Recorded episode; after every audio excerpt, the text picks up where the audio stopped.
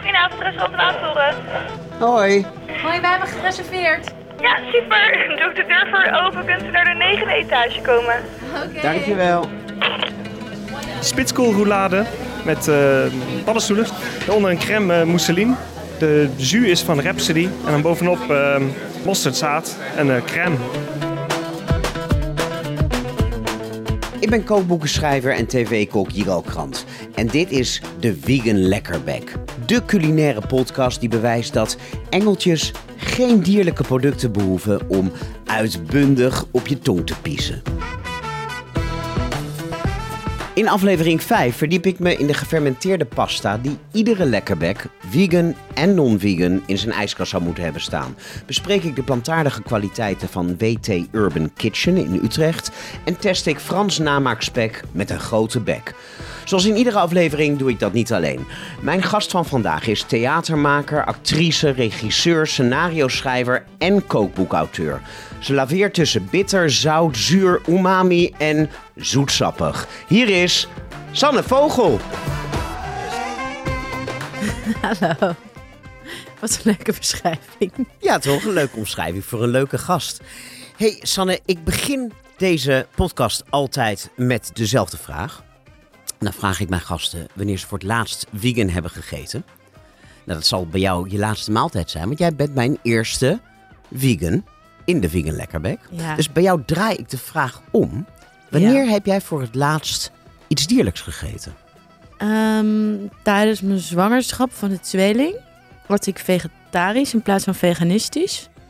Mijn hele zwangerschap wilde ik kaas en broodjes celery salade met mayonaise en gekookte eieren. Allemaal dingen die ik dus echt niet meer at. Maar had dat een medische reden of had je er gewoon nee, zin hoor. in? Nee, ik was gewoon... Ik vond tempeh, eh, miso, tofu, zeewier... allemaal dingen die ik normaal eet, vond ik gewoon heel vies toen ik zwanger was. Moest, als ik eraan dacht, moest ik al overgeven. Ik heb op Instagram iedereen die vegan food postte ontvolgd. Omdat ik gewoon gemisselijk van werd. Werd misselijk van, Van het de woord aanblik al. ja, en ik wilde alleen maar dingen eten die ik in mijn kindertijd had. En dat was veel, eh, ja, witte bonen, tomatensaus, eh, aardappelen met mayonaise, broodjes, celery, salade, witte bolletjes met kaas, zulke dingen. Maar je bent dus geen principiële vegan. Zeker wel. Maar niet tijdens je zwangerschap. Jawel, ik heb daar eerst ook heel veel problemen mee gehad. Want ik heb aan het begin ging ik dus eigenlijk gewoon bijna niet eten. Totdat mijn vriend toen zei, ik ga dan, want die at toen nog vlees. Zei die, dan ga ik geen vlees eten om het te compenseren, want je moet wel eten. En ik had gewoon, ja, ik was gewoon mezelf niet. Maar ik ben zeker wel principieel. Ik heb daar heel veel moeite mee gehad dat ik dat niet Ja, kon want eh, doen. veel vegans die ik heb gesproken, ook de interviews die ik in mijn eh, boek TLW Vegan heb gedaan. Er was een vrouw en die is vegan geworden toen ze een keer in een melkveehouderij bij de bevalling van zo'n koe was. En Mhm. het kalfje werd meteen weggehaald. En zij was net zwanger geweest. Ja, En zij zei, ja, mijn moederinstinct protesteerde. Ik kon het als moeder niet aan. ja. En dan ga jij juist tijdens je zwangerschap, ga je Nou, melkproducten Ja, maar dat is. eh, ik ben veganistisch geworden omdat ik in de zwangerschap daarvoor eh, een kindje verloor. En toen dat niet wilde, dat, dat, dat koeien dat keer op keer moesten meemaken. Daar ben ik veganistisch Dus die geworden. connectie was er bij jou ook. Zeker. Maar als je zwanger bent, ja, ja, ik, weet niet. Ik was ook nog zwanger van een tweeling. Ik was gewoon. eh, ik kon gewoon de, niks eten wat ik normaal at. Dus dat was het enige. En dat was wel ook echt. Bepaalde dingen moest ik ook echt eten. Niet alleen de eh, ja, smeerkaas had ik.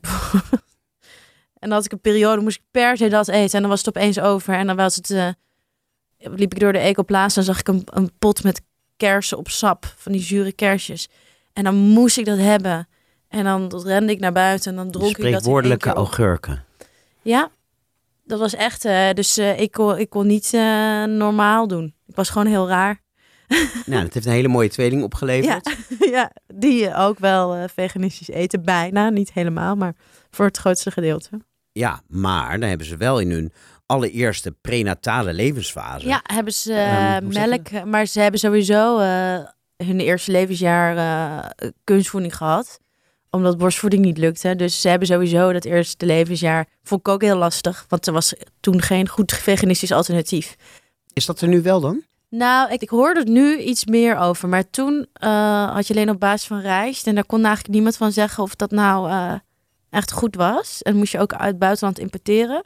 En ik hoorde nu wel dat er iets meer is, maar ik heb me er ook niet meer in verdiept. Je wilde natuurlijk sowieso het liefst, eh, tenminste, ik wilde het liefst borstvoeding geven. Dat is natuurlijk het mooiste wat je kan doen. Ja, dus maar de tweeling toch in het eerste jaar grootgebracht op de moedermelk die Van eigenlijk koe. bedoeld was Ja, voor een kalfje. ja. ja, ja, maar ja, Niks is ik kan ze niet eh, geen eten geven. Ja. Ik heb ook wel eens gehoord dat er vrouwen zijn die hun moedermelk afstaan. Aan andere vrouwen, ja, dat klopt. En het gek genoeg vind ik dat dan ineens een heel vies idee. Terwijl de meeste mensen Oh, ja? bij melk uit de winkel, wat natuurlijk hetzelfde principe is, geen vies idee vinden. Nou ja, het lastige is dat je natuurlijk niet weet of iemand anders eh, alcohol heeft gedronken. En eh, daarna Dat weet je bij een koe ook niet. Nee, ja, die... de meeste koeien die ik ken, die eh, drinken geen alcohol. Maar nee, ja, nee, het blijft sowieso lastig. Ik ben blij dat ik die fases, dat dat afgelopen is. Ja, je bent nu helemaal vegan? Ja. Gaat het wel eens mis dat je in een niet-vegan restaurant iets bestelt? Nou, trouwens, ik heb een keer de over de laatste keer dat ik per iets van vlees in mijn mond heb gehad, was, was op een verjaardag. En toen zei die jongen, alle bitterballen zijn vegan. Dus ik had zo lekker bitterballen gegeten. En toen kwam er een andere potje en het was de eh, bitterballen gemixt met iets anders. Maar ik dacht, hij, hij had tegen mij gezegd, alle bitterballen zijn vegan. Ik neem één hapje en denk, nee, nee, nee, nee, dit klopt niet. Dus hij zou, nee, nee, nee, die niet. Ik zeg, ja, moet je niet tegen mij zeggen, allemaal. En dat heb ik toen eh, uitgespuugd. Maar eh, ja, dat is dan, eh, ja, het gebeurt wel eens. Maar dan kan je er zelf natuurlijk helemaal niks aan doen. Je bent, Sanne, al heel lang vegetarisch. Eh, het verhaal heb je Ja. vaak verteld toen je 12 was. Naar aanleiding van GTST. Ja, Vertel nog even heel kort het verhaal voor mensen die het niet kennen. nou, ik eh, keek dan eh, Goede Tijden, Slechte Tijden. En daar was het personage Kim, gespeeld door Angela Schrijf. En zij werd vegetariër. En eigenlijk dacht ik alleen maar, oh, dat is leuk. Want ik hield niet van vlees. Ik spuugde het als stiekem uit in de wc en zo. Ik vond het gewoon meest niet lekker. Behalve kipnuggets en zo. Maar het e- echte vlees vond ik niet lekker. Dus ik dacht, ik ga dat ook doen. Gewoon meer van school om zoiets te doen. En toen een paar weken later moest zij dus weer vlees gaan eten... doordat er eh, druk was uitgeoefend vanuit sponsoren, vanuit de ja, voedselindustrie. En dat vond ik zo eh, belachelijk dat zij er druk op uit ging oefenen... dat een personage iets niet mocht doen. Dat jij van de weeromstuit vegetarisch bent geworden. Ja, Maar omdat je het niet lekker vond. Dus niet zozeer voor de dieren of voor de planeet. Nee joh, Maar- toen eh, had niemand het nog over de planeet... en vegetariër of veganistisch zijn. Dat is pas iets van op de laatste jaren. Ik hield heel erg van dieren, dus ik vond het ook heel fijn dat ik die niet meer hoefde te eten. En ik vond draadjesvlees en zo allemaal vies. En dat deed ik dan in mijn wangen als een soort hamster. En dan zat ik als laatste aan tafel. En dan zei ik, mag ik naar de wc? En dan spuugde ik het uit. En toen ik 18 was, ging ik dus aan mijn ouders opbiechten. Weten jullie wel dat ik dat altijd heb uitgespuugd? Zij zei, ja, tuurlijk wisten we dat. Je ging met zo'n vol hoofd naar de wc. En dat niet is dan gewoon Dat gebeuren. gewoon Zeiden ze gebeuren, niet tegen je van, lieverd, je hoeft het niet te eten. Nee, Nou, maar heb je sadistische ouders? Waarom deden ze dat? dat weet ik. Ik zou eens vragen. Ik zou het eens vragen. Heb je nooit gevraagd? Nee. Ik weet, maar het moment dat ik besloot om vegetariër te worden, vonden ze het meteen helemaal goed. En toen is mijn moeder ook echt altijd voor mij andere dingen gaan koken. En mijn opa, de vader van mijn vader, die was al in, eh, in de jaren zeventig al vegetariër. Bijna avant la lettre. Ja, het zat wel een beetje in de familie al. Ja. Je kwam vorig jaar op mijn radar toen je het prachtige kookboek, ik heb het hier, De Vier Seizoenen van Vogel uitbracht. Ik moet tot mijn schaamte erkennen dat ik nog nooit van je had gehoord. Geef niet. Terwijl je een beroemd actrice bent en regisseur. Ehm, maar die twee ambachten, die lopen bij jou naadloos in elkaar over. hè? Je vertelde net al dat je eigenlijk een beetje die kant op bent gegaan door GTST. Nee, alleen maar het eten. Het eten ging eh, die kant op, maar niet. eh, ik ging niet. eh, ik, ik wou bijvoorbeeld nooit in GTSD spelen. Nee, nee, nee, maar oké, maar gewoon film en eten. Ja? Het, is, Oh, het is televisie ja, ja. die jou die kant op heeft geduwd. Mhm. En nu speel je in een culinaire romcom. Ja. ja, dat is wel heel leuk. Maar dat is wel een grappig verhaal, want ik wilde eigenlijk niet meer acteren. Ik was gewoon heel veel aan het regisseren en aan het schrijven. En kinderen aan het maken en een kookboek aan het schrijven en kookfilmpjes aan het maken. En toen waren die kinderen een maandje of vier en toen dacht ik opeens, oh, ik heb zin om te spelen. En precies op dat moment kreeg ik bericht binnen of ik wou casten voor een, een film die heette Foodies. Wat ging over een meisje die haar eerste kookboek ging uitgeven. En toen kwam ook net mijn eerste kookboek uit. En de regisseurs is een regisseur waar ik tien jaar geleden echt met heel veel plezier eh, bij heb gespeeld. Ook een hoofdrol in een hele mooie televisiefilm. Dus ik dacht, ja, dit moet ik doen.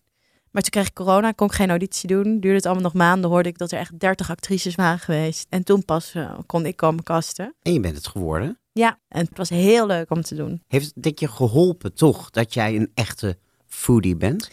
Ja, en toen ik auditie ging doen, had ik dat boek meegenomen. En toen had ik die gegeven en toen had ik gezegd... ter voorbereiding voor deze rol heb ik een kookboek geschreven. Super cheesy. Maar heb je gezegd, ik wil wel meedoen, maar dan ben ik als foodie in de film wel vegan. Nee, want dat is er niet. Ik eet bijvoorbeeld ehm, zalm in die film, maar dat is dan een nepstukje. En dan ging ik ook allemaal aan... eh, ik eet niks, echt. En Eerst moest ik ook nog een krekel eten en toen hebben ze daar een peper van gemaakt. Ze hebben wel wat dingen veranderd. Er is één scène ook, eh, dat dat is een soort gevecht met eten, met hollybrood. En dan moesten allemaal yoghurt en zo over, eh, over ons heen komen. Dus het is allemaal soja yoghurt. Was wel allemaal wat duurder voor ze.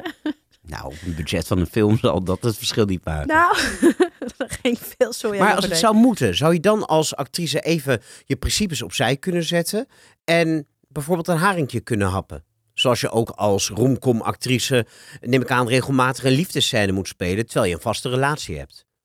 Nee, maar kijk, je doet het niet echt. Je gaat niet echt met iemand zoenen of seks hebben. Dus je hoeft ook niet echt een haring te eten. Dan kun je best een nepharing doen. Als ik ga, ik moet in die film moet ik ook zoenen en ook een vrijscène doen. Maar ik ga niet echt eh, iemand stongen in mijn mond doen. Dus Dat is het verschil. ja.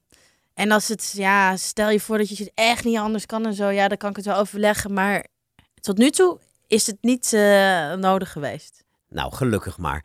Hey, voordat we van start gaan met de eerste echte rubriek van de podcast, wil ik je vragen, en ik zet je een beetje voor het blok, want we hebben dit niet vooraf besproken, maar kunnen we een exemplaar van je prachtige kookboek verloten onder de luisteraars? Ja hoor, zeker weten. Ja? Leuk. Leuk. Ja, dat Nou. kan. Gaan we doen. Gaan we door met het eerste deel van de Vegan Lekkerbek. Daarin gaan we de diepte in over één gerecht, één ingrediënt of één product. En toen ik jou vroeg waar je het over wilde hebben, toen zei jij gelijk Miso. miso. Ja, Waarom?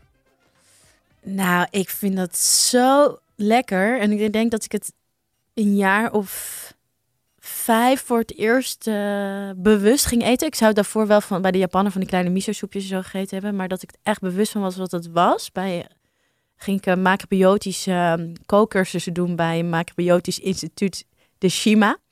Bestaat helaas niet meer. En sindsdien eh, ben ik helemaal eh, gekker op. En kook er heel veel mee. En zeker toen ik de overstap maakte van vegetariër naar veganist. En je die hartigheid van kaas mist. eh, sindsdien ben ik het nog veel meer gaan gebruiken. Als smaakmaker. In eten, door soepen en door sausen. Nou, we gaan ons erin verdiepen. Ja. Ehm, meer leren over miso. Jij mag een beetje het college geven, want volgens mij weet jij er veel meer vanaf dan ik. Ja, ik weet er ook weer niet zoveel van hoor. maar wel wat dingetjes, ja. Ik heb een eh, miso gerechtje meegenomen uit Mhm. mijn eh, boek TLW Vegan. Eh, maar we proeven in de Vegan Lekkerbek nooit zonder een goed glas wijn erbij. Iedere aflevering schenkt een topsommelier een wijn die, als het goed is, perfect samengaat met het gespreksonderwerp. En vandaag is de sommelier Philip Oudshoorn. Hoi allemaal. Hallo. Hallo. Hallo. Eh, Philip, leuk dat je er bent. Jij bent de kerstverse sommelier van restaurant Choux in Amsterdam. Ja. Hoe lang nu? ja, officieel weet ik niet echt. Ik werk er al anderhalf jaar en ongeveer aan het begin van dit jaar ben ik begonnen als assistent. Ergens tussen februari en nu ben ik officieel eh, Maar sommelier gepromoveerd. Maar er was Ja. niet een promotiemomentje. Nee, dat, dat ging eigenlijk vanzelf. Oké. Ja. Sanne, het was jouw idee om de sommelier van Choux hier uit te nodigen. Maar jij Ja. kende Philippe nog niet. Nou, wel van gezicht. Maar ik wist nog niet dat jij de nieuwe sommelier was. Want ik dacht dat Eva dat eerst was, of niet? Nee, Eva die is wel heel erg betrokken bij de wijnen. Ja, Zij eh, kan het zeker uitvoeren als ik er niet ben. ja. Ehm, maar het is wel mijn rol om te zorgen dat, dat Ja. we alles hebben, dat het voorradig is en dat mensen ook weten wat bij wat gaat en op, op wat voor manier. Dus je bent waarschijnlijk in contact met haar geweest. eh, nou, ik heb gewoon nog voordat jij er werkte, wij zitten gewoon altijd aan de tafel waar Eva komt. Ja. Daarom ging ik er gewoon van uit automatisch. Maar Ja. iedereen weet bij Sjoe ook wel veel over de wijnen. Die komt aan de tafel.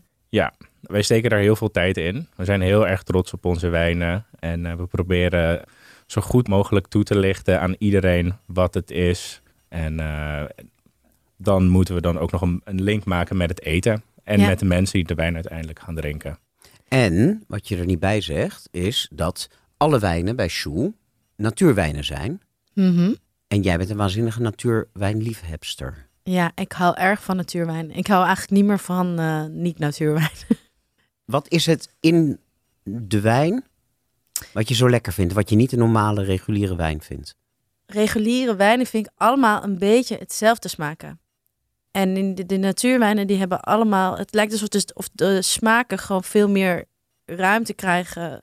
doordat je niet allemaal eh, toegevoegde dingen proeft... die je toch wel zo erg proeft. Ja, want natuurwijnen onderscheiden zich van reguliere wijnen. In de zin dat er zo min mogelijk ingrepen zijn, zo min mogelijk wordt gedaan met de wijn. Ik vind het fijn om te zeggen dat de wijnen nog leven als je ze drinkt. Mhm. En bij het weglaten van sulfiet of het miniem gebruiken van sulfiet... zorg je ervoor dat de wijn nog leeft. Ja, ik heb soms zelfs bij sommige natuurwijnen, maar dan al een beetje eh, toch een, iets meer sulfiet is toegevoegd dan meestal, dat je dat ook alweer heel erg proeft. Je proeft dat opeens, terwijl al die jaren, ja, dat ik dat allemaal gewoon dronk, had ik dat niet echt door. Maar ik krijg ook als ik nu, eh, maar misschien ook doordat ik ouder word, ehm, krijg ik van gewone wijn soms meteen een knalrood hoofd. Van de natuurwijn ook wel een beetje, maar van gewone wijn nog veel erger. En meteen kan ik ook een beetje hoofdpijn meteen krijgen.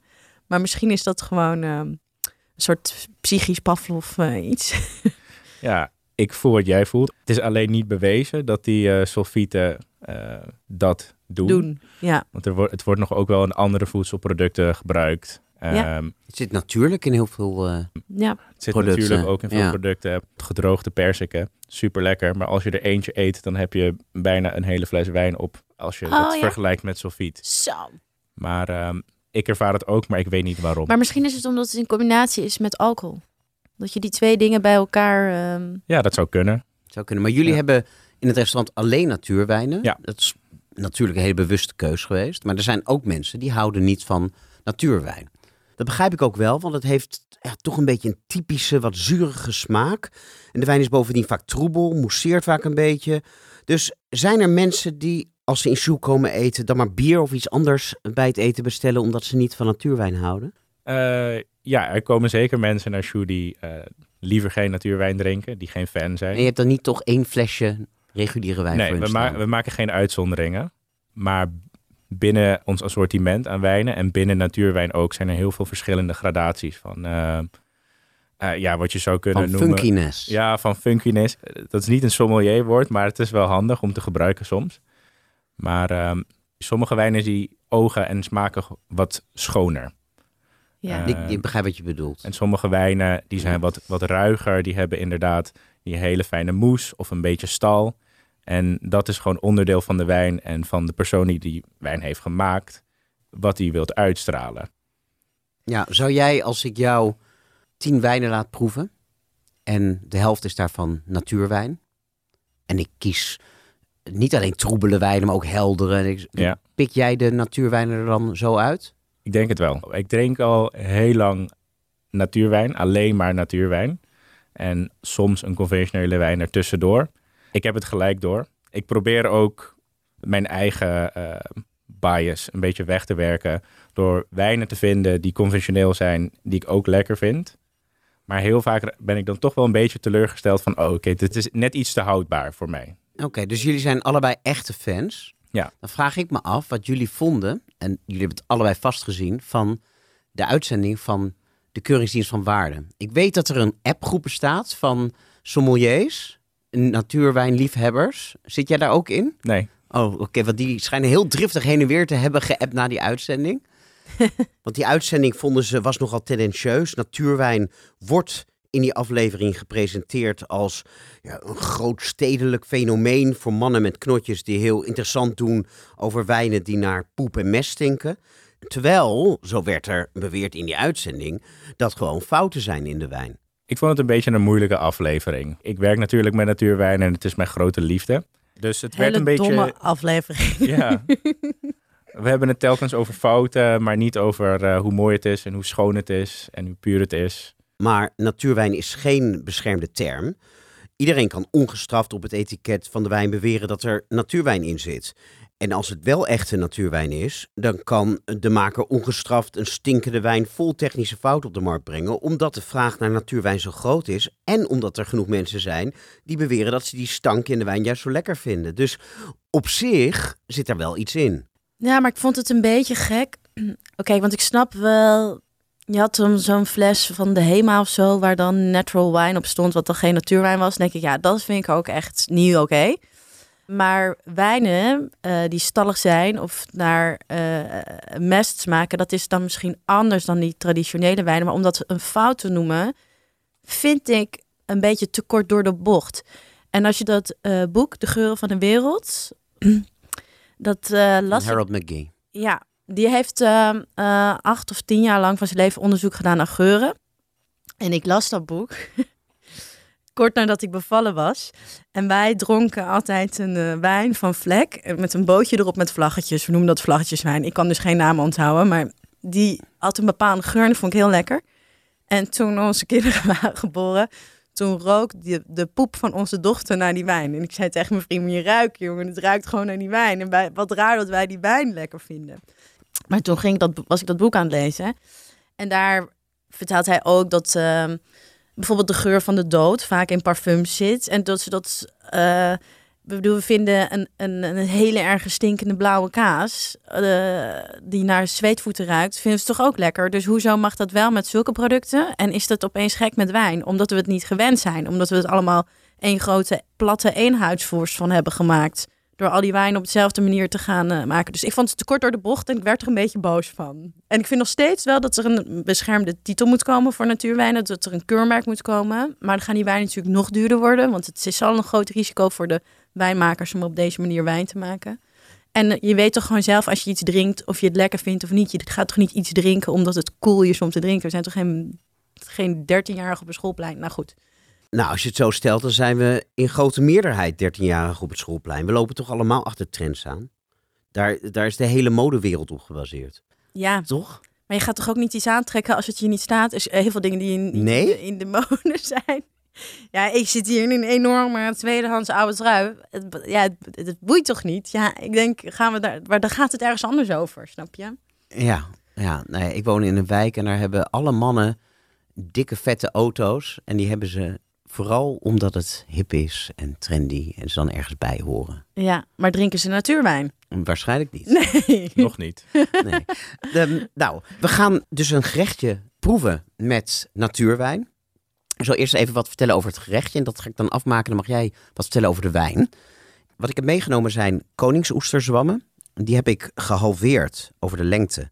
Kruisgewijs ingekerfd en ingesmeerd met een klein beetje shiro miso. Ingekwast met olijfolie. Daarna zijn ze een klein kwartier de oven ingegaan op 180 graden. En omdat we hier in de studio geen oven hebben, heb ik dat thuis al gedaan. Dus het is een beetje behelpen. Ik schroei de paddenstoelen nu aan de bovenkant met de crème brûlée brander. Dan worden de randen en de inkevingen een beetje donker. Dat geeft een eh, mooi rokerig smaakje. Zou jij, Philip, in de tussentijd kunnen vertellen welke wijn we erbij gaan drinken? Ik heb meegenomen de Coteau du Genois van Claude Tubeuf uit Touraine.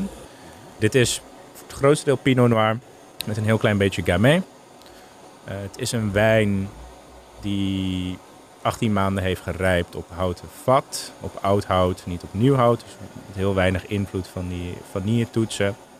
En het heeft ook nog een vrij lange flesrijping gehad. Eh, het oogstjaar is 2015. En waarom gaat deze wijn heel goed samen, als het goed is, met miso? Als ik denk over miso, dan denk ik over zout, zoutigheid en hartigheid. En dan wil je iets niet al te vol hebben. Een beetje medium body, fris, met wat donkere toetsen. En iets aards is altijd heel fijn. De miso die je hebt uitgezocht, Mhm. eh, die is zeer aromatisch. Vandaar de Pinot Noir. Heb je heel vaak eh, bloemachtige toetsen, violetten zeggen mensen altijd. Rozen, dat komt ook nog wel omhoog. Ik vond dat een mooie match. Aromatisch bij aromatisch. Ja, Pinot Noir is wel een typische wijn om met paddenstoelen te eten ook. Hè? Ja, Pinot Noir, Nebbiolo. Ja. Ik heb de paddenstoeltjes eh, een beetje gebrand. Een klein beetje zout overheen gedaan. Niet te veel, want er zit natuurlijk ook al wat zout in de miso. Dit is Isot Biber. Ken je dat, Philip? Ik heb er vandaag over gelezen. Wat is dat? Toen ik je het recept toestuurde. Ja. Ken jij dat niet? Nee? Dat is waanzinnig. Voor niks te koop bij elke Turk en elke Marokkaan. Ja. Is het een kruid of is het een Nee, het, zaad? het is zijn chilivlokken. Ja. Een kwart zo scherp als reguliere chilivlokken. Mhm. Deze zijn, blijven aan de tak zitten totdat ze ja, bijna zwart zijn. Daarna worden ze te drogen gelegd in de zon. Maar s'nachts worden ze heel stevig ingepakt.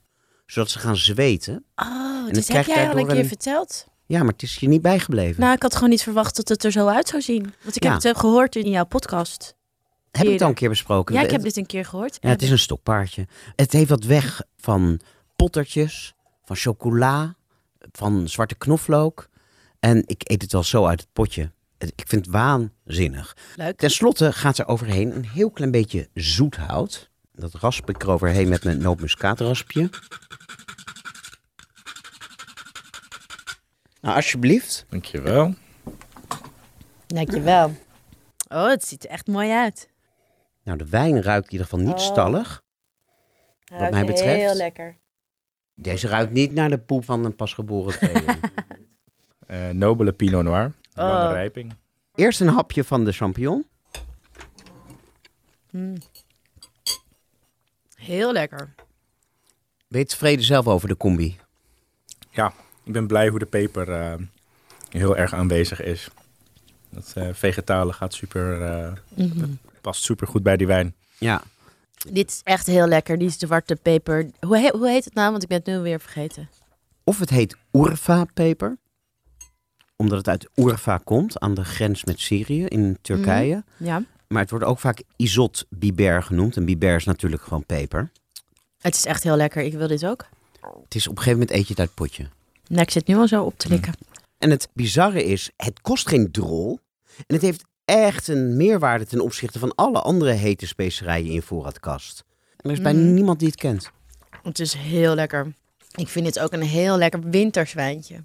Maar dit is nou een wijn die ik bij een blinde test niet als natuurwijn zou herkennen. Mm, dat komt omdat hij niet funky of zo is, maar hij is wel echt wel zachter dan gewoon reguliere wijnen, toch? Hij is wel zachter en eh, iets fruitiger, lichter. Dat ken ik niet in, in, eh, in een normale rode wijnen, zeg maar. Dat weet ik niet. Ik weet wel dat ik hem heel lekker vind. Ja, Ik ben meer een witte wijndrinker of rosé of oranje. Zeker als het om natuurwijn gaat. Ik heb ook wat minder ervaring met rode natuurwijn. Mag ik nog iets zeggen over mensen die denken dat ze geen natuurwijn lusten? Ja, tuurlijk. Ga je gang. Oké, ik hou ook heel erg van oranje wijn. Maar ik hou, ik hou eigenlijk van alle natuurwijnen hou ik heel erg. Ik hou- de laatste tijd ben ik heel erg veel, omdat het ook kouder is, veel rode wijn aan het drinken. Maar nou geven wij wel eens vrienden, nee, dat hebben we één keer gedaan. Als eerste een hele heftige, lastige oranje wijn. Die denken vanaf dat moment, ja, ik lust geen natuurwijn. Ja. En dan eh, zit je in een plek waar ze alleen natuurwijn drinken, waar ze al veel vaker zijn geweest.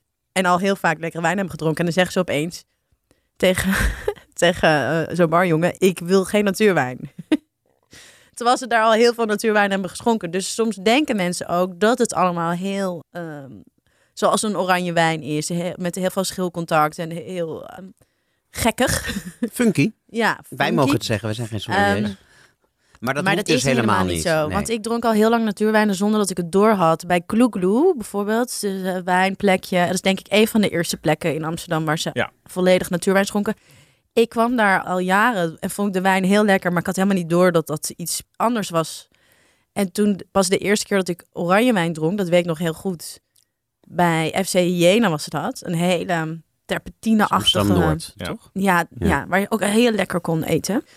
Maar een hele terpentine-achtige oranje wijn.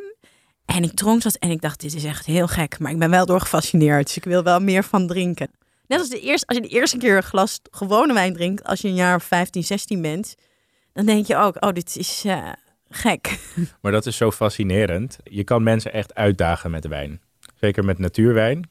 Het kan zo erg een hele specifieke kant op gaan. En er kan iets heel vreemds uitkomen. En dan zijn er mensen zoals jij en ik die dat, dat randje soms willen opzoeken. Want we weten wat het is.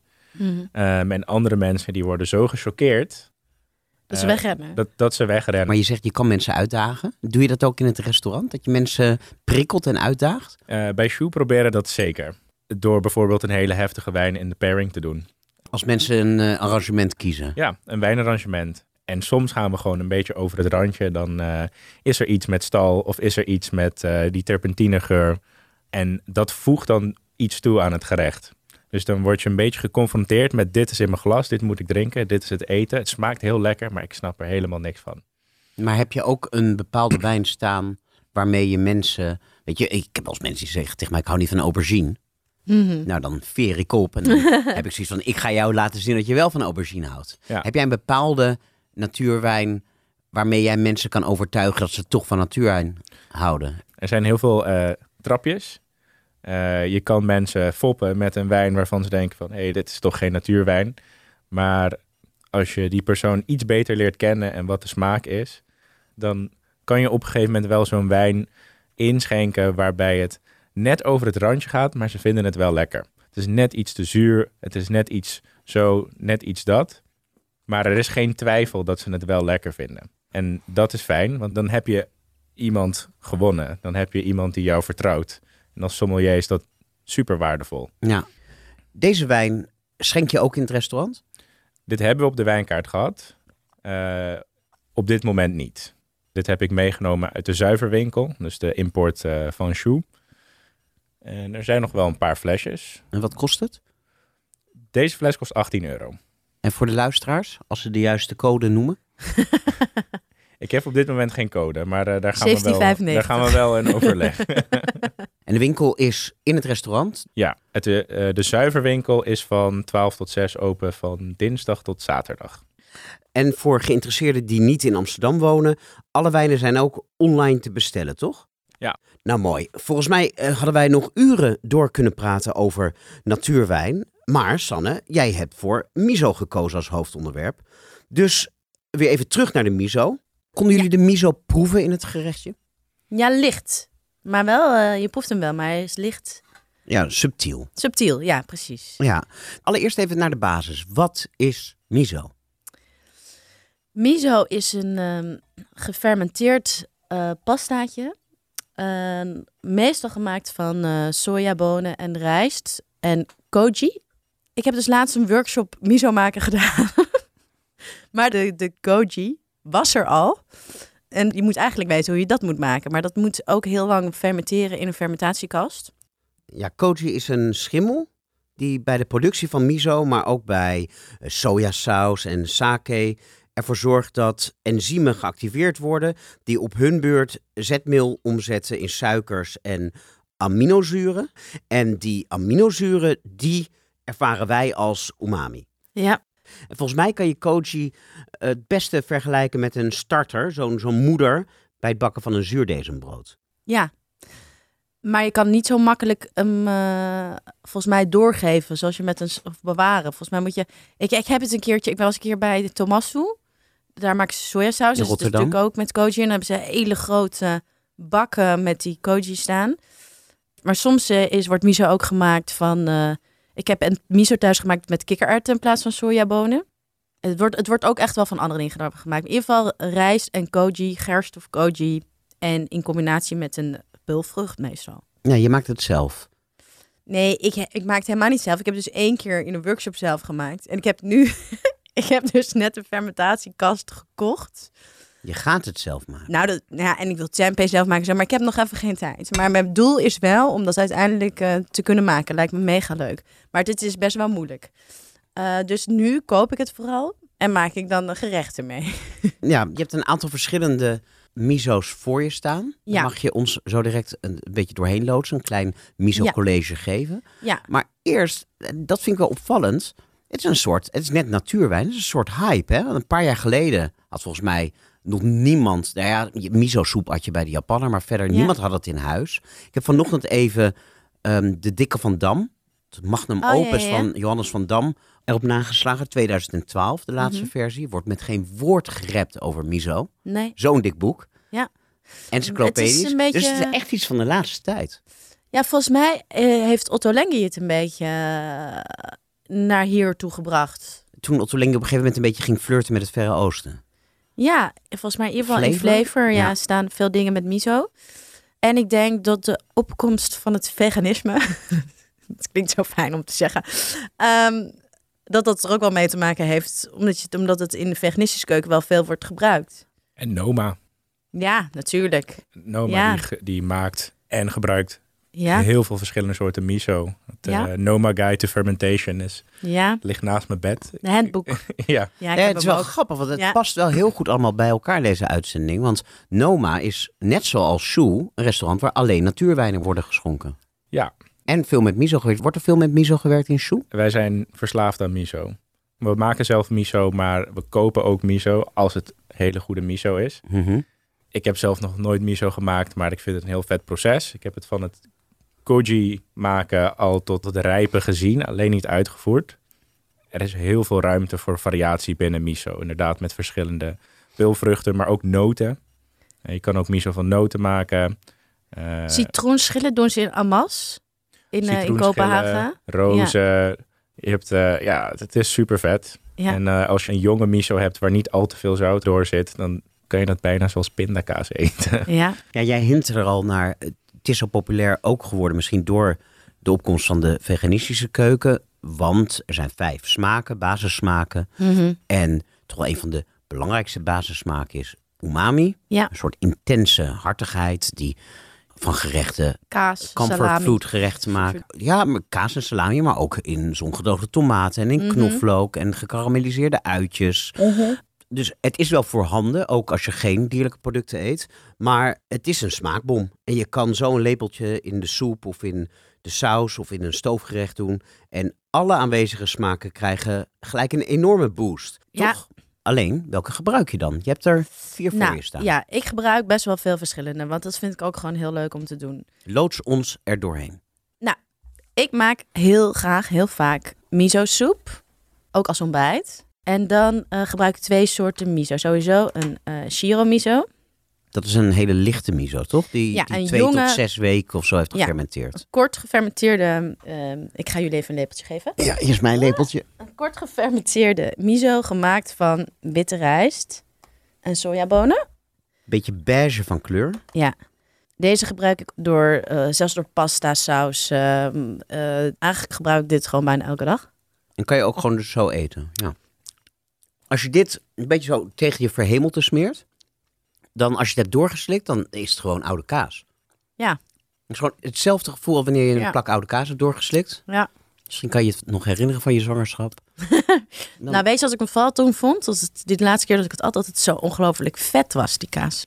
Dit is de kaas zonder dat vieze, zware Het is vet. best wel bijzonder, want als ze kaas maken, dan wordt daar heel vaak cashew voor gebruikt. Maar je moet dit gebruiken. Er wordt heel vaak witte miso ook door eh, Ja? veganistische kazen gemaakt. Ook in vegan kaas, wat nu, zulke soort dingen, zit heel vaak eh, ja, shiro miso. Miso, edelgist. Mhm. Ja, Oh, wauw. Is ook erg lekker met deze wijn. Nee, ik, het is best een beetje, een beetje maf. Want ik ben naar de Ecoplaza gegaan, op Mhm. jouw aanraden. Daar hebben ze verschillende soorten miso. Mhm. Daar heb ik Mugi miso gekocht. Mhm. Genmai miso en Hacho miso. Ja, Maar de Shiro miso, die ze wel... was op. Ja, die was uitverkocht. Dus toen ben ik nog even naar huis gereden om mijn eigen Shiro miso te halen. Dat is Mhm. de miso die we nu proeven. Hij is erg Alleen, lekker. ik heb het nog nooit uit het potje gegeten. Nee? Nee, ja, ik denk het niet. Omdat ik toch in mijn systeem iets heb van, ja, dit, dit is een smaakmaker. Mhm. Ik eet ook nooit rauwe knoflook. En Nee. ook het, ma- het bouillonblokje eet ik nooit zo op. maar dit, is hard, dit kan ik gewoon op brood smeren, joh. met Ja. tahin. Bijvoorbeeld. Het is wel erg zout. Het is zeker zo, maar dat is kaas ook. Ja, maar dat vind ik wel een probleem. Kijk, je zou een umami smaakbom willen hebben. Maar het Mhm. wordt al snel.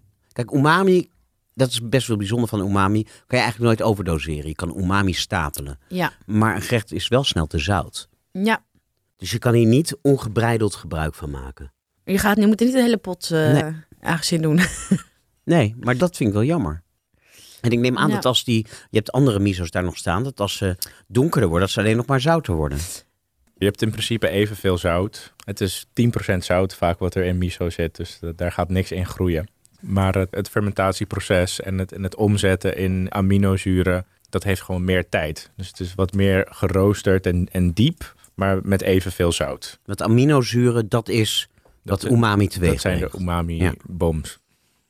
Welke gaan we nu proeven? Wat is de volgende? Volgens mij is dat mugi miso. Die moet 12 tot 18 maanden Ja, rijpen. ik heb dus door een vraag ga ik gewoon met deze afgelikte lepels in de pot. Want dat is natuurlijk niet heel goed voor de... bewaren van de je- miso? Deze potjes mag jij mee naar huis nemen. dus het is jouw beslissing. Zal ik Maar gewoon de je achterkant kan ook, doen? eh, Doe de ja, achterkant, doe straks de achterkant van de vorken. Oké. Eh, oh ja, maar ik was nog eigenlijk aan het vertellen over miso soep. Doe ik dus altijd combineren die shiro miso met een donkere miso. Dus het kan verschillen tussen een hacho of een eh, genmai of een eh muki, muki, muki. Ik weet niet hoe je het uitspreekt. Nou, mijn eh, Japan is ook een beetje roestig de laatste tijd. Deze muki is op basis van gerst in plaats van rijst. Deze is ook heel erg lekker om een vullen mee te maken. Ik, ik maak de laatste tijd heel tijd gevulde pompoenen van de, eh, hoe heet dat ding, barbecue, eh, keramische barbecue. Mhm. En dan eh, doe ik deze vaker in met sambal en eh sojasaus met paddenstoelen en Oh, erwtengoud. wauw. Dit heeft iets heel aards. Ja, ik vind het een beetje naar mout ruiken, maar ook wel naar ehm anchovies. Oh ja, wat grappig. Ik heb dus anjovis altijd heel eh, vies gevonden voordat ik vegetariër werd. Maar toen was ik natuurlijk ook nog een kind. Dus ik heb eigenlijk geen idee hoe het smaakt. Nee, maar anchovies is nou wel echt iets dat je niet zo moet proeven uit het potje. Maar als je dat Ergens doorheen. kan natuurlijk geen anchovies advies geven in de vegan lekkerbek. Maar als je wat anchovies laat meesmelten in de olie waarmee je een gerecht begint, dan geeft dat een soortgelijke umami boost zonder dat je gerecht ook maar iets vissigs krijgt. Die vissmaak die je wel heel intens proeft als je anchovies uit het potje eet, die is helemaal verdwenen als je het meebakt. Maar dan is dit een goede vervanger misschien. Denk het wel. Al heb ik met deze miso nog nooit gewerkt. Dat vind ik toch wel een beetje het lastige van miso. Er zijn zo ontzettend veel verschillende soorten. Hoeveel bakjes miso heb jij in huis? Eh, vier. Dus helemaal niet zoveel. Nou, ik heb maar één. maar, en dan weet je precies welke je gebruikt. Dus het een beetje inemine mutten. Nee, het ligt er wel een beetje aan wat ik aan het maken ben. Die we nu hebben is wel echt heel anders. Als je die hardshow hebt, het is een hele ja, zware, hele oude, echt een hele donkere miso. Dus het ligt ook een beetje aan waar je zin in hebt. Ik, die, die donkere miso's, die wissel ik echt in die soep. Maar ik zou niet ehm, die hardshow miso door een uh, mayonaisetje doen of zo. Dat Nee. is niet... eh, Ik gebruik deze het allerminste. Die hele donkere. Dat is de hacho waar je naar wijst. Ja, Die is 24 maanden oud. Zullen we ja. hem toch even proeven? ja, we moeten eerst eigenlijk nog die... eh, De Genmai. ja, Die is anderhalf jaar gefermenteerd. Maar wat ik dan wel opmerkelijk vind, is dat... Ik heb even naar de prijzen gekeken. En je zou denken dat iets wat in twee tot zes weken klaar is, veel goedkoper is dan iets wat twee jaar zou moeten rijpen. Maar als ik kijk naar de kiloprijs, dan is die Hacho, dus die donkerste, die is 27,30 euro voor een Mhm. kilo. En inderdaad, die Genmai, die is één stapje minder oud, is 24, 26. Dan heb je de Mugi, die is 21,69, weer iets goedkoper. En dan naar de Shiro, die is 37,56. Oh, wat grappig. Die is verreweg het duurst. Misschien omdat hij zo populair is. Heb jij eh is toch heel raar? jou een eh, vork? Dan doe ik de Ja. achterkant van je vork erin. Oep. Deze eh, eh, miso's zijn ook allemaal van een Nederlands merk die dat in Japan laat maken op de traditionele manier. Vind ik ook leuk. Deze is ook heel kazig, toch? Ja. Beetje Zwitserse kaas. Ik vind hem wel heel anders dan die. eh, En dan die Mugi. Het heeft iets Ja. heel kruidigs. Bijna eucalyptusachtig. Oh ja. Ja. Maar het is allemaal heel herfstig. Ja. We zitten in de herfst nu. Ja. Het heeft allemaal een beetje bos, paddenstoelen. Mijn moeder had vroeger zo'n potje van die Zwitserse strooikaas dat zo heel erg stinkt. En dan mocht ze van ons alleen maar in een pot bewaren in de kast. Want het ging wel heel aanstellig doen hoe erg dat stonk. Maar dat is dit. Is dat een positieve herinnering? Ja, ik, wij waren gewoon aan het aanstellen als kinderen natuurlijk. Dat ze mijn moeder daarmee gingen pesten. Maar het was natuurlijk eigenlijk gewoon een heel lekkere smaak. Ja. Nou, nog even snel naar die, naar die Hacho. Ja, Die gebruik jij dus eigenlijk... Vrij weinig, maar wel. Ik gebruik deze eigenlijk alleen in eh miso soepen met een plantaardige dashi bouillon. Maar ik, ik moet hem eigenlijk vaak gebruiken. Maar het komt ook omdat hij zo hard is. In de soep gebruik je deze. Ja, gecombineerd met een shiro miso. 50-50. En waarom? Omdat het andere smaken zijn die elkaar toch... eh, Complementeren. ja. Ehm, en ik heb dan geleerd bij dat uh, Macrobiotische Instituut.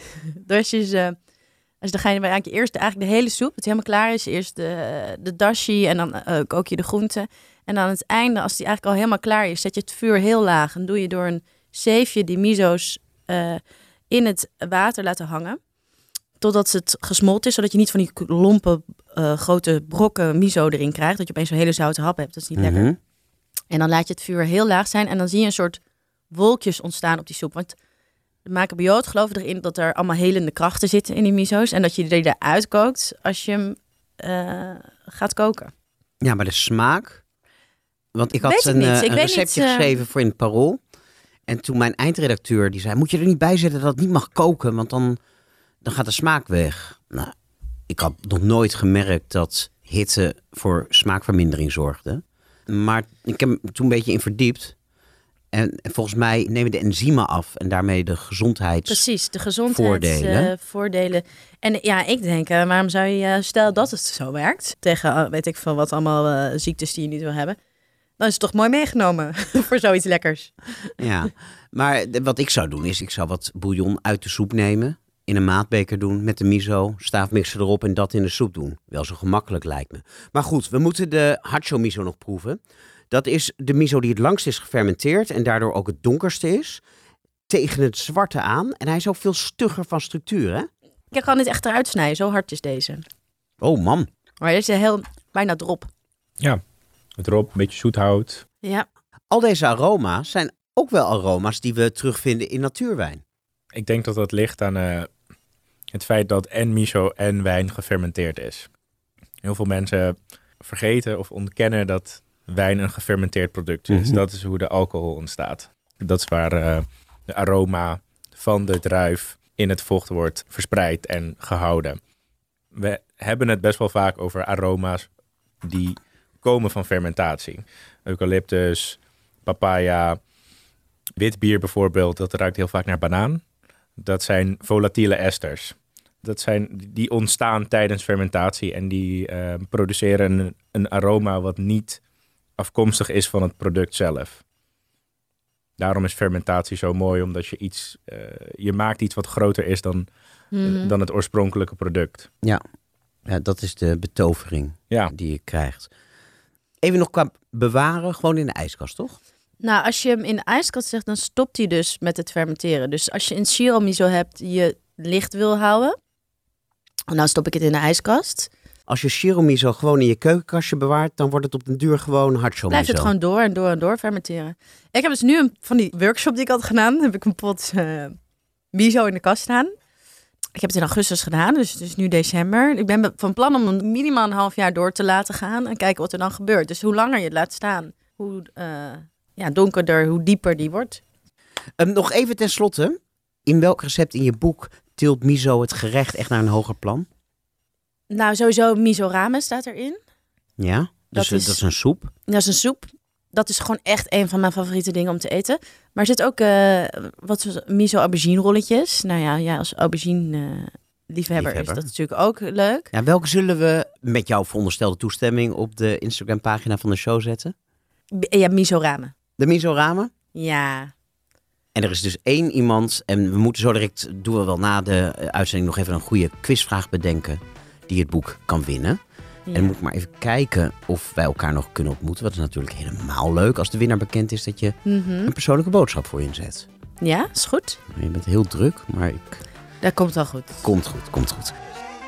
Zijn we aangekomen bij het volgende onderdeel van de podcast, namelijk de restaurantrecensie. Oh ja, was ik alweer vergeten, joh. Nou, ik moet zeggen, ik hoop dat ik alles nog goed kan herinneren. Maar wij waren samen uit eten in. Nou ja, normaal ga ik altijd in de stad waar iemand woont. Maar jij woont in zo'n klein gehucht dat we elkaar in de dichtstbijzijnde stad hebben ontmoet. Namelijk Utrecht. Mhm. Wij zijn gaan eten in een gerestaureerde oude watertoren. Ja, dat klopt. Ja, het is geen quizvraag dit. Ik hoopte, ik hoopte Moet ik dat jij iets ging vertellen. Nou, oh ja, het heet eh, WT Watertoren, denk ik dan, Urban Kitchen Utrecht. Ja, ik vroeg me ook af wat nou de juiste uitspraak is. Want bijna alle hippe afkortingen in de horeca worden op zijn Engels uitgesproken. Dus eh, WT of WT. Dus vanochtend heb ik nog even gebeld naar het restaurant. Ze waren toch nog niet open. Ja. En toen kreeg ik de voicemail. Dit is WT Urban Kitchen. Wij zijn op dit moment. Dacht ik, ah, het is Ja, WT het is Urban WT. Kitchen. Nou, ik kreeg de, toen ik net ging verhuizen naar het dorp, waar ik dus nu woon. Toen zei mijn eh achternicht, die in Utrecht woonde, al, je moet daar een keer gaan eten, maar die is niet veganistisch. Dus die wist niet hoe het vegan zat, dus ik had er al een beetje een berichtje gestuurd. En toen zei jij, laten we daar eten. Toen dacht ik, ja, top, want daar wou ik al graag uitproberen. Want Plant-Based Dennis, een vegan influencer die jij volgens mij ook kent, Ja. die had er gegeten en die zei het is fantastisch. Dus Oh, ja? hebben een, ja, zo ben ik erop gekomen. Die zei het is geweldig, je kan heel goed vegan eten. Ja. De avond begon trouwens heel grappig. Jij had voorgesteld om elkaar te ontmoeten in een wijnbar.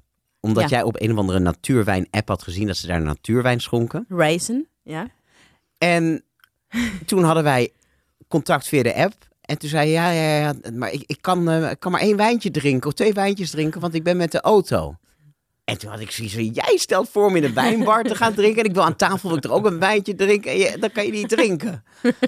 ja. Toen ben ik als een malle geprobeerd mijn auto terug te brengen naar mijn huis. Toen ben je helemaal naar huis gegaan. Nou, niet helemaal. Oh. Ik dacht, Oh. parkeer hem halverwege en dan ga ik daar met, eh, waar ik weer dan gratis kan parkeren, dan ga ik daar de bus. En dan haal ik morgen die auto dan weer daar op met die bus.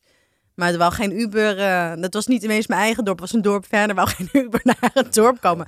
Dat is ook wel een beetje de reden waarom ik dan met de auto ga. Ja, maar ik vond het wel heel tof dat je het wel hebt geprobeerd. Ik heb dus geprobeerd. om toch weer terug te gaan en dan met een Uber te komen. Maar uiteindelijk was het ook niet zo heel erg, want, want ze hadden bij die wijnbar eigenlijk ja, niet echt natuurwijnen veel. Jawel, maar ja, we hoefden er maar één te drinken. We hoefden- ze hadden een lekkere wijn. Die was wel. heel lekker, maar Ja. ze hadden niet wat ik dacht dat ze op de kaart allemaal natuurwijn hadden. En in het restaurant hadden ze sowieso geen natuurwijn. Nee, en daar hadden ze wel een hele lekkere non-alcoholische bubbel. Ja, het was iets met, gemaakt met bier. Iets met eh, groene thee, bier. Nee, met hop. En iets met thee. Ja, zoiets. En Ja, het was een een hoppige soort- thee was Een het. hop, hopthee. Het was best leuk. Nou, dat klinkt heel lekker. Maar goed, we zijn nu eigenlijk al binnen. Ja. Maar je moest buiten aanbellen. Ja. En dan mag je naar boven toe. Het restaurant bevindt zich bovenin op de negende en de tiende verdieping. Op de tiende verdieping heb je een wijd uitzicht over heel Utrecht. Moet je een half jaar van tevoren reserveren. Ja. Op de negende verdieping kan je eigenlijk nauwelijks naar buiten kijken. Er zijn hele kleine raampjes, maar heb je uitzicht op de keuken. Die is in het midden. Ja. En langs de wanden, het is dus een watertoren. Dus rondom staan alle tafeltjes op een verhoging. Heel leuk vond ik Ja, een hele bijzondere entourage. En je kijkt Ja. dus ja, naar beneden naar de keuken. En de bediening loopt dus rondjes rondom tussen het kookeiland en de tafels in. Ik vond eigenlijk, we mochten voor het dessert mochten we naar boven. Vond beneden leuker. En ik vond beneden ook leuker, ja. Ja, maar Dat komt dat- ook misschien als het, omdat het heel donker was. Als het een, in de zomeravond is, is het misschien anders met een ondergaande rode zon. Nu was het gewoon een zwart gat waar je Ja. in keek. Ja, dat is waar. Ja, het was wel mooi. Met veel aplomb werden we gehaald. Zegt jullie mogen. Een beetje zoals in het vliegtuig dat je even naar de cockpit mocht als kind. Ja, mochten jullie boven mogen zitten. boven het dessert nuttigen. Maar laten we het even over, over het eten hebben. En voordat we dat doen, start ik even het restaurantgeluid in. De trouwe luisteraars weten dat ik altijd mijn microfoon verstop ergens. Zodat hij we hier gevonden. in de studio de sfeer van het restaurant kunnen oproepen. Maar hij werd dus inderdaad gevonden. Dus als we heel lang gaan praten, dan moet ik gewoon twee keer hetzelfde geluid Loopen. achter elkaar loopen. Maar niemand die dat gaat merken. Ze bieden daar een viergangen menu aan. Desgewenst dus vegan. En wij begonnen met gebakken bloemkool, witlof, hazelnoot en hazelnootcrème en een olie van koffie. Mhm. Vond ik wel lekker. Ik vond het ook lekker. Ik vond het niet eh, dat ik dacht, wauw. Ja. Ja, maar het was wel gewoon echt, het was echt lekker. Daarna, hier, ik heb de foto's genomen. Ik geef je even mijn telefoon. Oh ja. Daarna hadden we iets met aubergine, als ik me goed herinner. Ja, dit hè. Dat was een, eh, een, een aubergine, een soort gemarineerde aubergine in een krokant jasje met aardperen. Volgens mij een tomatenolie. En er zat eh, nog een stukje vijg er bovenop, zie ik hier. Ik vond het wel heel lekker. Jij was niet heel enthousiast over Ja, de ik vond- aubergine, Ik vond mij. de aubergine nog een beetje... Kijk, aubergine, rauwe aubergine is echt het vieste wat er bestaat. En hij was zeker niet rauw, maar hij had van mij nog wel wat langer in weet niet waar ze hem hebben gegaard. Maar daar waar hij is gegaard, had hij nog wel een tijdje extra mogen verblijven, wat mij betreft. Ja. Maar, Het was wel lekker. Het was een leuk gerechtje. Eh, maar... Maar- ik was hem wel vergeten, dat moet ik eerlijk zeggen.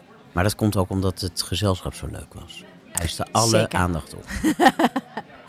Maar dan hou ik nog wel steeds genoeg van eten om wel bepaalde dingen te herinneren. Daarna hadden we spitskool roulade met paddenstoelen. Met een crème mousseline, maar dan dus vegan. En een jus van knolselderij.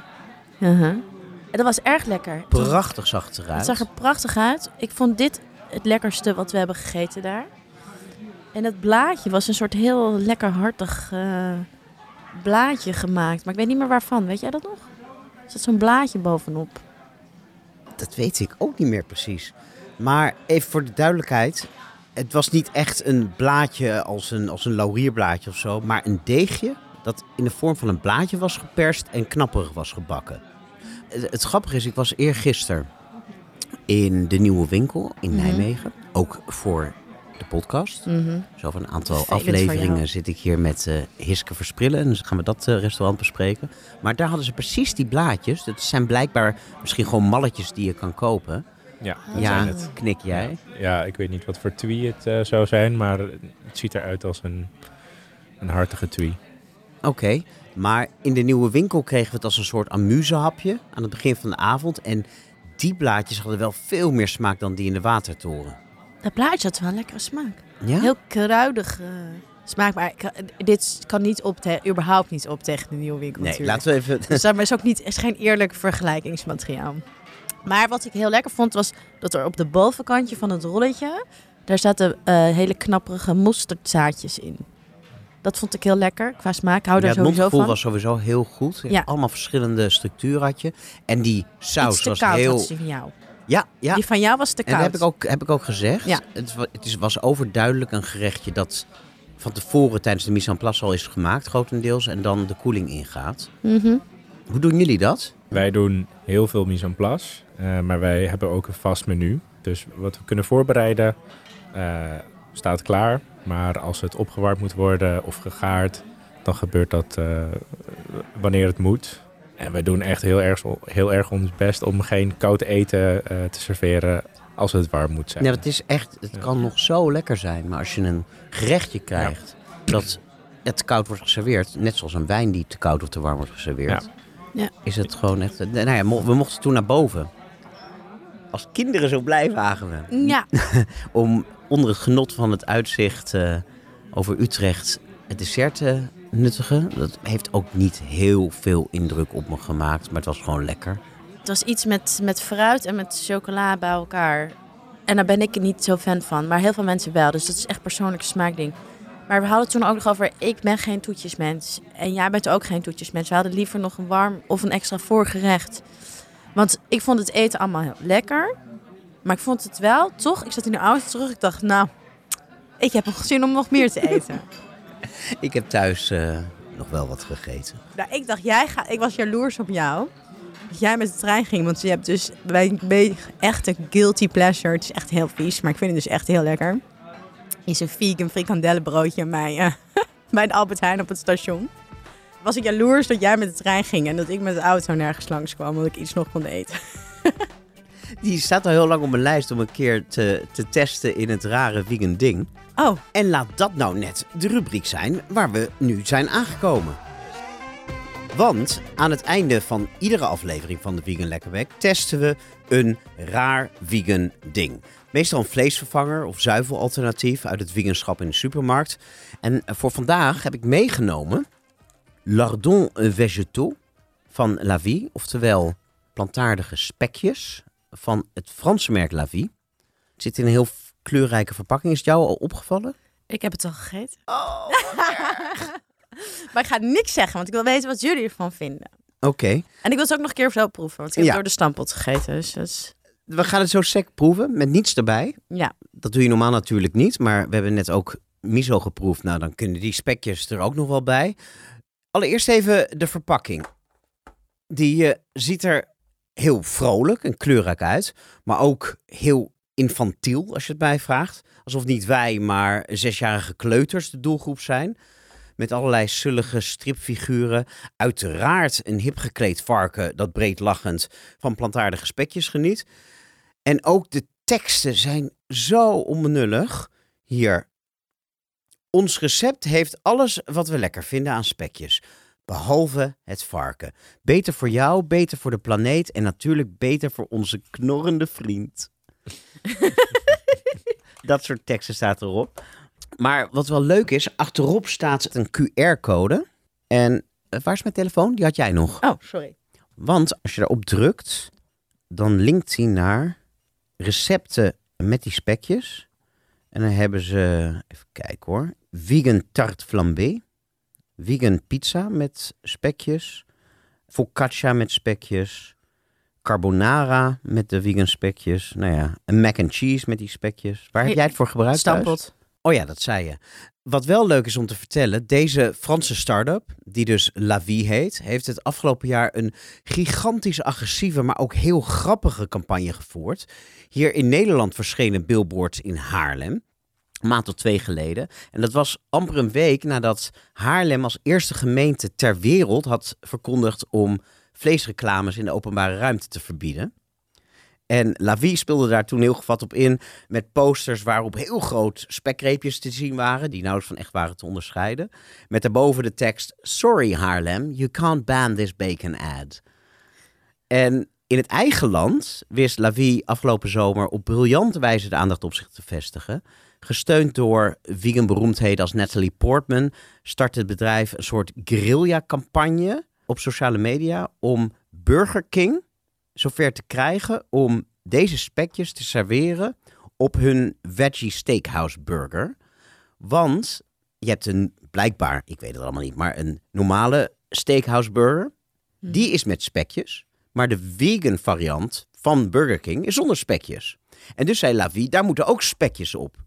Campagnes, advertenties in de krant, petities, zogenaamd appverkeer van "Ja, ik, wij komen niet meer bij Burger King als ze niet de spekjes van La Vie op de burger gaan doen. En uiteindelijk is Burger King overstag gegaan in juni. Oh, echt? En nu kan je in 430 Burger Kings in Frankrijk de Veggie Steakhouse Burger krijgen met de spekjes van La Vie. En is dan helemaal ook broodje en zo helemaal vegan?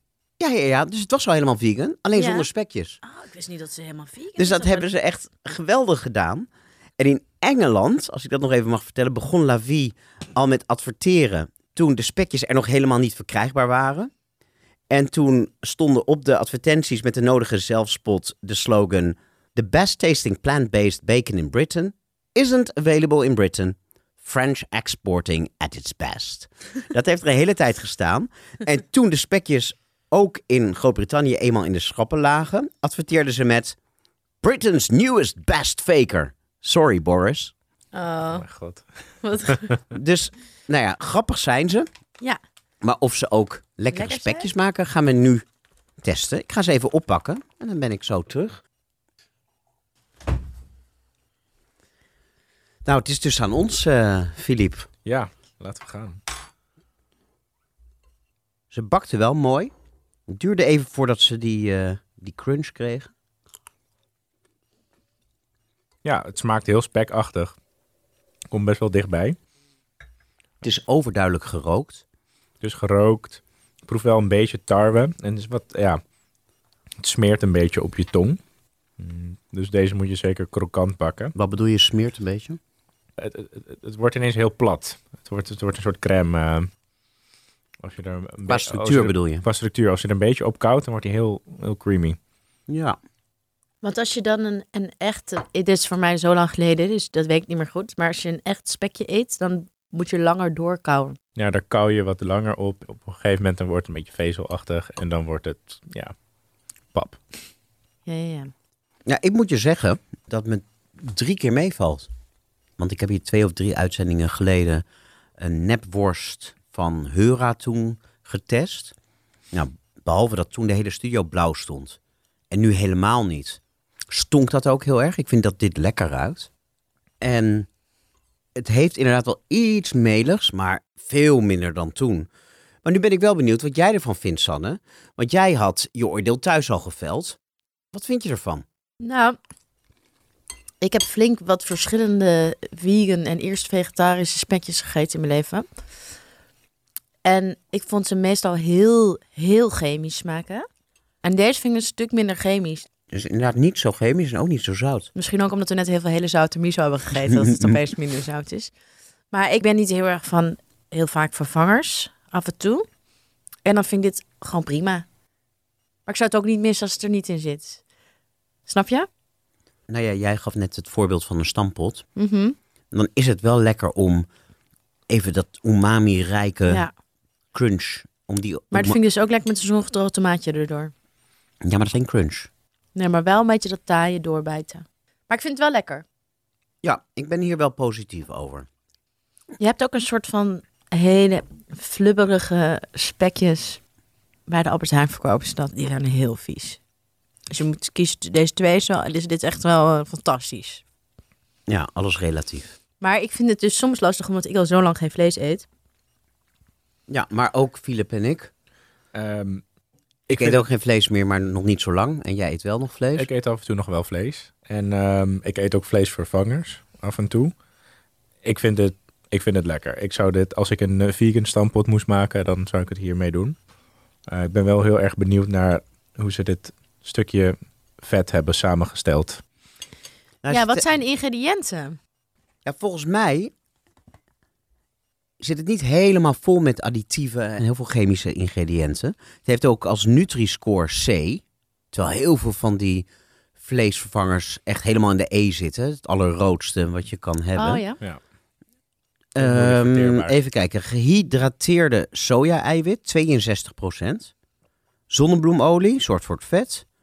Zout. Natuurlijk aroma. Ja, dat vind ik altijd zo mooi dat dat dan mag. ja, Je bent verplicht om erop te zetten wat erin zit. Dan kun je zeggen iets. Kleurstoffen. En dan staat er, te- ja, en dan staat er achter welke kleurstoffen. En wat voor emulgators? Geen? Geen. Nee. Oké. Dus eh, Ik merk wel als je dan aan het eten, ik- dat je het als chips wil dooreten. ja, het heeft een dooreetfactor. Ja. Waarmee we weer een keer een raar wingend ding hebben besproken dat in goede aarde is gevallen. En daarmee zit deze vijfde aflevering van de Vegan Lekkerbek er alweer op. Maar niet getreurd.